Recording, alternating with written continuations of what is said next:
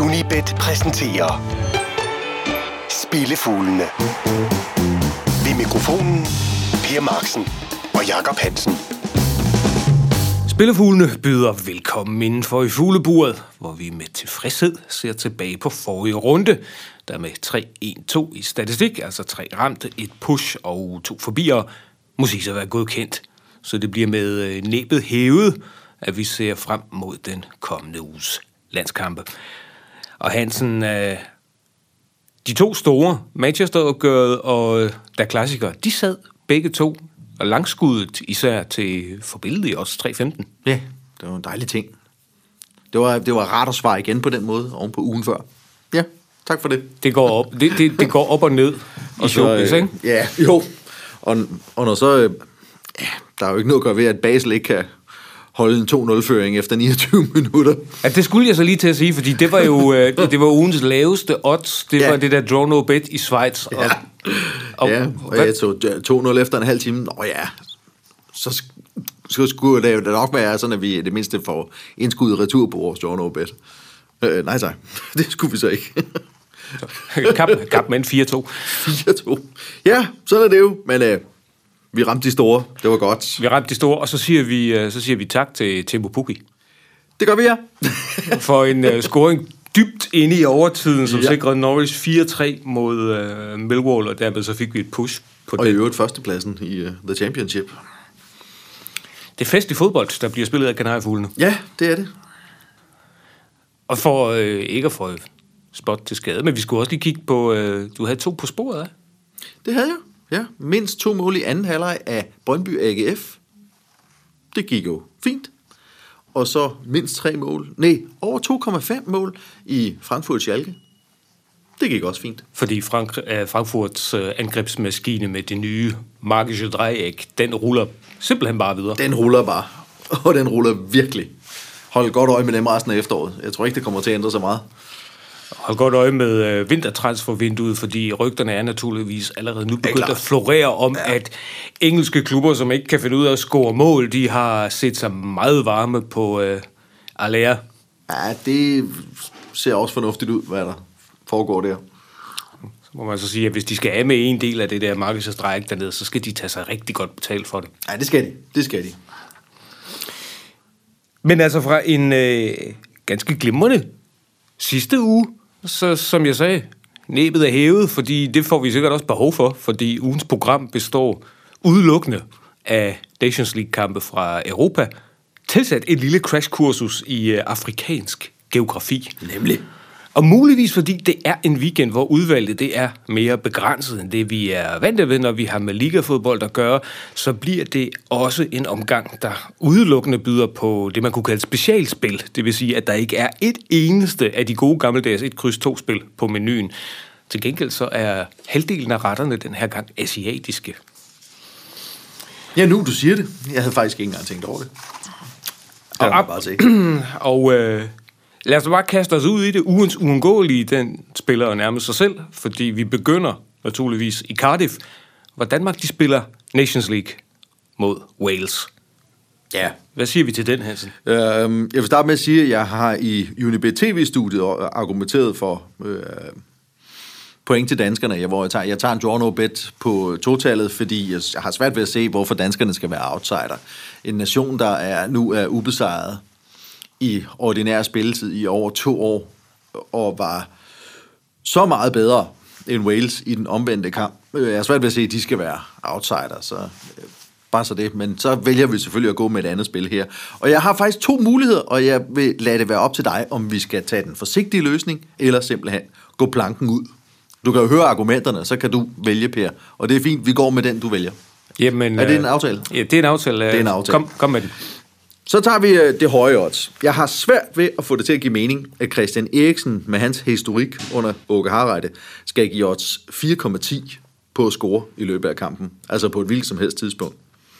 At fire spillere på det danske landshold skal give et lavere odds end ham, det giver meget lidt mening i mit hoved. At Christian Gytkær skal give et lavere odds end Christian Eriksen, det giver nul og niks mening. Det giver også 4,10, som sagt. Det er et af de valgmuligheder, du, du kan tage. Jeg går gerne med Christian Eriksen. Han scorede jo som bekendt øh, begge mål mod Wales i den omvendte kamp. Det andet mulighed, det er øh, at gå efter en målfattig første halvleg. I Danmarks seneste 15 landskamp stod det uafgjort ved pausen 11 gange. To gange var stillingen 1-1, resten af dem var 0-0. I 13 af de 15 landskampe. blev der ikke scoret mere end maksimalt en gang før pausen. Så med andre ord, et spil, der hedder Asian under et mål i første halvleg, det giver odds 1,55. Det havde så givet gevinst eller indskud retur i 12 af Danmarks seneste 15 landskampe, og blandt andet i den omvendte. Og du får så odds 1,55, hvis der står 0-0 pausen, bliver der scoret en gang, så får du indskud i retur. Hvad synes du? Skal vi tage 1,55, eller skal vi tage 4,10? Jeg kan godt se, at det er meget fristende at tage 4,10. Men siden du nu lægger valget over til mig, Det gør jeg. Øh, så kan jeg jo så oplyse om, at øh, i alt, hvad der har med økonomi og pengesager at gøre, inklusive privatøkonomi, er jeg ikke til, øh, til flexlån eller til risikable investeringer i, i, i mystiske ting. Jeg er umådelig konservativ, umådelig kedelig, umådelig forsigtig, vil folk sige. Så jeg tager simpelthen bare den der forsigtige løsning, og så satser vi på en uh, langgaber i første halvleg. 1,55 tak. Det er fint med mig. Sådan. 1,55, altså i uh, ugens uundgåelige, så vent med at tænde for fjernsynet til, til anden halvleg. Altså hopper vi til uh, ugens dedikerede Asian-spil. Og her skal jeg love for, at vi bliver avanceret, ikke kun i øh, spilvalg, og det må du nok heller lige sørge for at forklare, men også hvor det er, vi har fundet det spil henne. For det er eksotisk. Vi skal til kvalifikationen til African Cup of Nations, til gruppe F, og dermed til Addis Abeba i Etiopien, der møder Ghana på hjemmebane. Nemlig. Og hvad er det, vi spiller i den her afrikanske kamp, Vi Hansen? spiller et spil, der hedder under 2,75 mål. Det vil sige, hvis der bliver scoret op til to mål, så vinder vi til odds 1,88. Hvis der bliver scoret tre gange, så får vi halvdelen af vores indskud retur. Og hvorfor, Først er, ved, først ved fire eller flere mål har vi tabt det hele. og hvorfor er det så lige, at du har valgt det her afrikanske vedmål? Nu skal du høre. Vi tager en chance på, at Etiopien endnu en gang kan vise, at der i hvert fald for visse nationer er ret voldsom forskel på at spille ude og hjemme på det afrikanske kontinent. De har spillet to udkamp i det her gruppespil, og tabte 5-0 i Ghana og 3-0 i Kenya. Og selvfølgelig skræmmer de der 5-0 i den omvendte kamp en lille smule, og det er vel også grunden til, at oddset på en målfattig kamp er forholdsvis høj. Men prøv nu lige at observere forskellen. Deres seneste 10 udekampe i kvalifikationen til African Cup of Nations havde 8 gange tre mål, og de to undtagelser havde begge hold på tavlen i 1-1-kampe. Forholdsvis målrigt. Til gengæld havde kun en af deres seneste 10 hjemmekampe i samme kvalifikationshaløjsa over tre mål. I det her gruppespil har de spillet to hjemmekampe. De holdt nullet i begge, og som sagt, før tabte de 3-0 i Kenya, men de vandt altså 1-0 i, den om, i hjemmekampen. Så gruppens førerhold, Kenya, har de holdt til 0 og besejret på hjemmebane, selvom man gik ned med klare 3-0 på udebane. Ghanas seneste syv udekampe i kvalifikationsopgør til Africa Cup of Nations sluttede med følgende cifre. 1-1, 0-1, 1-0, 0-0, 2-0 og 0-1. Altså højst to scoringer hver gang. Kenya har syv point i gruppen, så Ghana skal også passe på ikke at kveje sig i Etiopien. Så jeg forestiller mig, at de satser mere på bare i anførselstegn at komme hjem med point, end en nødvendigvis overlegen sejr. Derfor målfag. Højst to scoringer i Etiopien, tak. Det var en grundig forklaring på, hvorfor vi er ude i nogle øh, avancerede vedmål her i øh, African Cup of Nations kvalifikationsspillet. Og apropos det der med Asian, i, øh, i sidste uge, omkring ugens Asian-spil, som jo så var bemeldt Norwich mod øh, Ja. Millwall. Øh, jeg, jeg kan se, at vi har en lytter, og, og tak for det. Og det er også en lytter, der har opdaget, at vi er jo voldsomt glade, glade for at snige uh, quite interesting facts ind i uh, det her program, fordi både Hans og jeg er fan af BBC-programmet QI. Nemlig? og han stillede også jo en udfordring. og vi kan finde ud af, om uh, programmets nuværende vært, Sandy Toxvi, er fan af nogle fodboldklubber. Ja. Og så, så må jeg indrømme, jeg har jo stået på hovedet. Jeg har endda øh, været inde og læse The Sun.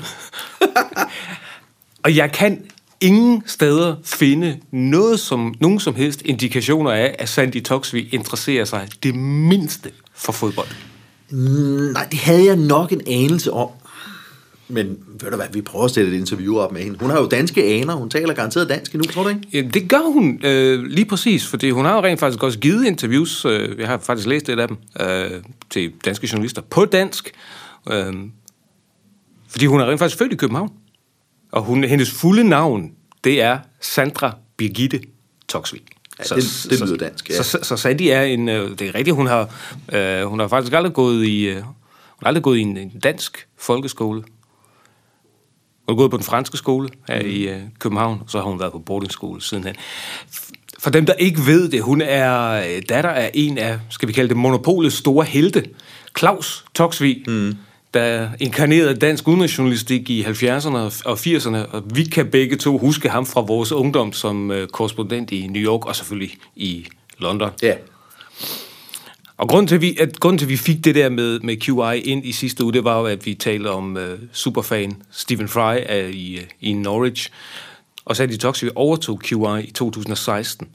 Og har jo, side, har jo efterfølgende, hun kunne afsløre her tidligere i år, at hun rent faktisk kun får 40 procent af det, som Stephen Fry fik, for at være værdig i programmet. Så det der ligestilling i BBC, det er...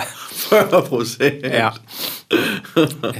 Hun, okay. hun, får, hun får så det samme som uh, Alan Davis, der er fast panelist, og har været det i hele programmets uh, levetid.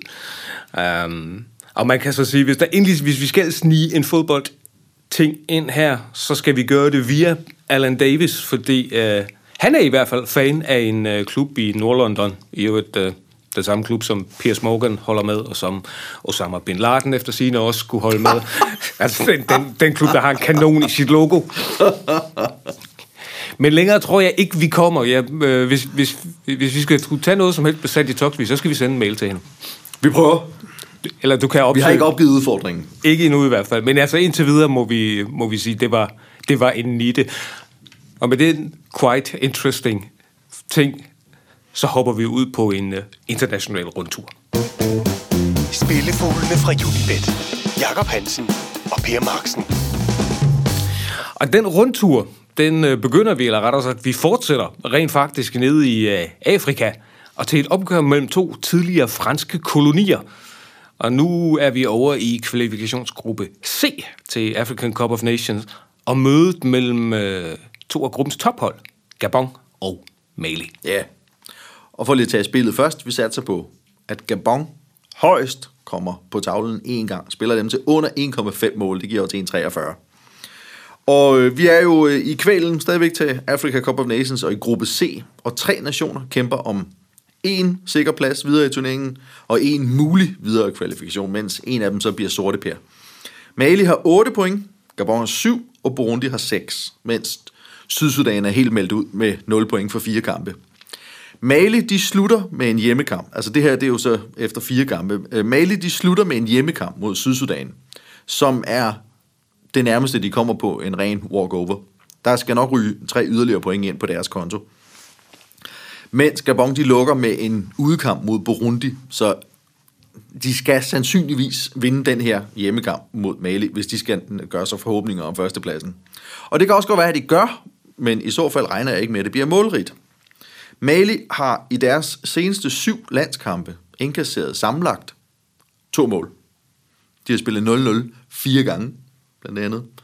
Og Gabon har i ingen af deres seneste 10 landskampe, det passer ikke, de har i en af deres seneste 10 landskampe scoret mere end én gang. De har scoret samlet seks mål i de her 10 seneste landskampe. Fire af dem var mod Sydsudan. Tre af dem i hjemmekampen mod Sydsudan. Det er med andre ord ikke den skarpeste offensiv på kontinentet, og de møder en ret bestandt defensiv. Så skulle det lykkes Gabon at komme foran, kommer de under ingen omstændigheder til at satse på at øge føringen. Så skal der bare lukkes af. Og det der med at lukke af, det er konsekvent Malis taktik. De var i øvrigt i gruppe med hinanden i øh, kvalifikationen til VM-slutrunden, hvor opgøret i Gabon sluttede 0-0. Det kunne man også satse på, en, en, øh, en 0-0'er, en uafgjort, eller måske Gabon på, en, øh, på et handicapkryds. Jeg føler mig godt dækket af på mange parametre ved en forsigtig satsning på, at Gabon højst kommer en gang på tavlen. Jeg synes, jeg kan huske, øh, altså, da vi så Africa Cup of Nations, da det blev spillet i, i 17, mm. at der var du og jeg sådan enige om, at det der Mali-hold, det lignede, altså det var, noget, man, det var et hold, man slog sig på. Det var, Ja, det ja var, og jeg tror ikke, det har ændret sig. det var mindst så store som klædeskab, ikke? Jo, nemlig. Men øh, altså, Gabon, som jo øh, ellers nok er mest berømte for at have en angriber, der hedder Pierre-Emerick Aubameyang. Og så kom der lige lidt ekstra. Ja, det der fodboldmæssigt i hvert fald. Arsenal-krydderi på Ja, der. det gjorde der jo. Ved du jo, at øh, nu, nu startede med at sige, at vi sådan skulle ud i lidt øh, afrikansk geografi. Ja. Hvor er vi henne? Ved du, ved, du, hvor, ved du, hvor vi er henne, når vi er i Gabon? Øh, vi er, så vidt jeg husker, over, af, i, over af, i Vestafrika. Det er korrekt. Stadig nord for ekvator, ikke? Ja, lige omkring. Lige omkring. Ja. Uh, hjemmeholdet, altså Gabon, det er, var indtil selvstændigheden i 1960 et af de lande, der udgjorde det, man kaldte fransk ekvatorial Afrika. Og det er en betegnelse for det område, der strækker sig ned fra Kongofloden og så op til Sahel, og som i dag faktisk er fem lande. Det er Chad i nord, Centralafrikanske Republik, Kamerun, Kongo og så Gabon. Og Gabon helt nede i, uh, i bunden. Okay. Og så kan jeg jo lige kokotere med endnu et af de der små facts, fordi jeg bemærkede, at øh, på Malis landshold er der måske, efter at Frederik Kanute har lagt støvlerne på hylden, ikke så mange household names. Men der er to, som jeg tror, man skal holde en lille smule øje med. Øh, Djadi Samasaseku på 22 og Amadou Aydara på 20. De spiller nemlig begge to for Red Bull i Salzburg. Hmm. Og øh, de er jo som bekendt voldsomt gode til at scoute i øh, RB's store fodboldorganisation. Det må man lade dem. Så øh, og det, jeg vil våge den påstand, at ingen af de to, de øh, spiller hele karrieren ud ned i øh, Salzburg, hvis det, hvis det går, som det plejer, ikke? Men fra det afrikanske, så tager vi nu op til hjemlige breddegrader. Fordi vi skal nordpå og til A-League i Nations League, hvor de franske verdensmestre, de skal en tur til Amsterdam. Og af urensagelige årsager, så har du vidus til hjemmeholdet, Holland her. Jeg tager chancen på dem. Draw no bet på et-tallet til odds 218. For det første, så kan Holland jo med sandsynligvis bare et point dømme Tyskland til nedrykning. Er vi ikke enige om det? Ja, det lyder meget rigtigt. Altså, får Holland et point, så skal Tyskland banke dem med fire overskydende mål på mandag. Og det virker ikke specielt sandsynligt lige i øjeblikket. Hvad siger halvtyskeren derovre?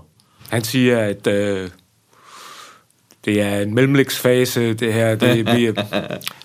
Hvor, hvor lang tid skal jeg padle? Ja, vi kan godt blive enige om, der var ikke mange, der havde set, at Tyskland skulle rykke ud af den her gruppe, vel? Og er du galt, det vil være en triumf for hollænderne at kunne håne med i nogle måneder fremover, hvis de kunne øh, dømme Tyskland til nedrykning. Jo, så lader, vi som, så, så lader vi som om, at Nations League rent faktisk betyder noget. Ja. kan Holland vinde, så er de jo så pludselig med i racet om at, at nappe førstepladsen, fordi øh, så er der et point op til Frankrig, som så vil have spillet deres gruppekampe færdig, og så skal Holland jo så bare vinde i Tyskland for at nappe førstepladsen. Er du gale twist på den her gruppe, hvis det skulle ende med, at det er Holland, der napper førstepladsen. Frankrig er uden nederlag i 16 kamp, skal det jo så siges. Men hvor længe kan det holde? Fordi de synes at skære den sådan lige til grænsen her efter VM-slutrunden. Det var 0-0 mod Tyskland i den første kamp. Ja, den kamp så du og jeg i hvert fald. I anden halvleg, det holdt forholdsvis hårdt for franskmændene at Ja, hive den franskmændene var heldige med ikke at tabe den kamp. Ja, det, det var de. Så vinder de 2-1 over Holland i hjemmekampen, hvor sejrsmålet scores i det 74. 20. minut. Så spiller de igen på hjemmebane 2-2 mod Island, hvor de var bagud 0-2 til det 86. 20. minut. Så var de bagud 0-1 mod Tyskland, igen i en hjemmekamp, hvor sejrsmålet blev sat ind i det 80. 20. minut. Og det er høj klasse, at man på den måde kan blive ved og undgå nederlag. Men på et tidspunkt løber man også tør for tid. Slet og ret. Og jeg regner med, at Holland har tanket en masse selvtillid i deres meget overlegne 3-0 sejr over Tyskland i den seneste hjemmekamp. De har scoret i syv landskampe i træk. Den franske defensiv er til at tale med. Så jeg tager chancen på, at Holland kan gøre et eller andet mod Frankrig, og som minimum undgå nederlag. Og 2-18 er jo værd at tage med. Så vil jeg bare lige sige, at det kan godt være, at franskmændene er måske som ved at lidt tør for kræfter, men uh, den franske landstræner har set lyset, fordi uh, Borussia Mönchengladbachs nyindkøbte skarpretter, Alassane Player, er indkaldt til landsholdet. Det kan jeg godt forstå. Og han er i hvert fald varm. Det må man sige. Vi slutter vores øh, rundtur på en ø, som øh, jeg ofte frekventerer, og som jeg derfor har sådan et ganske kærligt forhold til. Også selvom øh, landsholdet er lidt af en prygelknappe. Men det bliver anderledes den her gang, ikke Hansen? Fordi vi tror ikke, at Malta må gå tomhændet fra det her opgør mod Kosovo. Mm, nej, jeg satser i hvert fald. Jeg har, jeg har valgt det spil, der hedder en Asian Handicap plus 1 på et-tallet. Og det er helt op i 1,98. Det vil sige 1,98 på hjemmesejr eller uafgjort og indskud i retur, hvis Kosovo skulle vinde med et mål. Og det synes jeg er... Det synes jeg er at gøre Kosovo til store favoritter, at du kan hente Malta på, på den måde til til 1,98. De, selvfølgelig, øh, Kosovo ligger bedst til i gruppe 3 i C-puljen. De har 8 point, Azerbaijan har 6, Færøerne 4 og Malta 2. Så med en sejr og pointtab til Azerbaijan, så vil de være sikre på førstepladsen inden sidste gruppekamp. Jeg synes bare stadig, de er gjort til en lille smule for store favoritter i forhold til den udkamp, der venter dem her.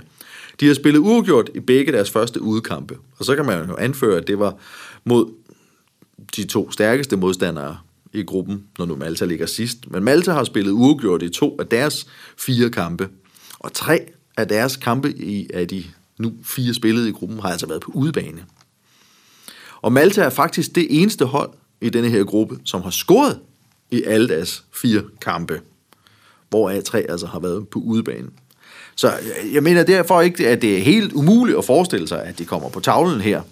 Og så skal Kosovo op og score tre gange, for at vi taber og det her vedmål. Og det tvivler jeg på vil ske. Jeg føler mig godt dækket af på tre scenarier, som sagt ved det her vedmål, fordi Kosovo også kan vise sig at være ganske tilfredse med en remi, frem for at risikere noget. De slutter nemlig af med en hjemmekamp mod Azerbaijan, som de spillede uafgjort med på udebane, og deres lige nu nærmeste rival.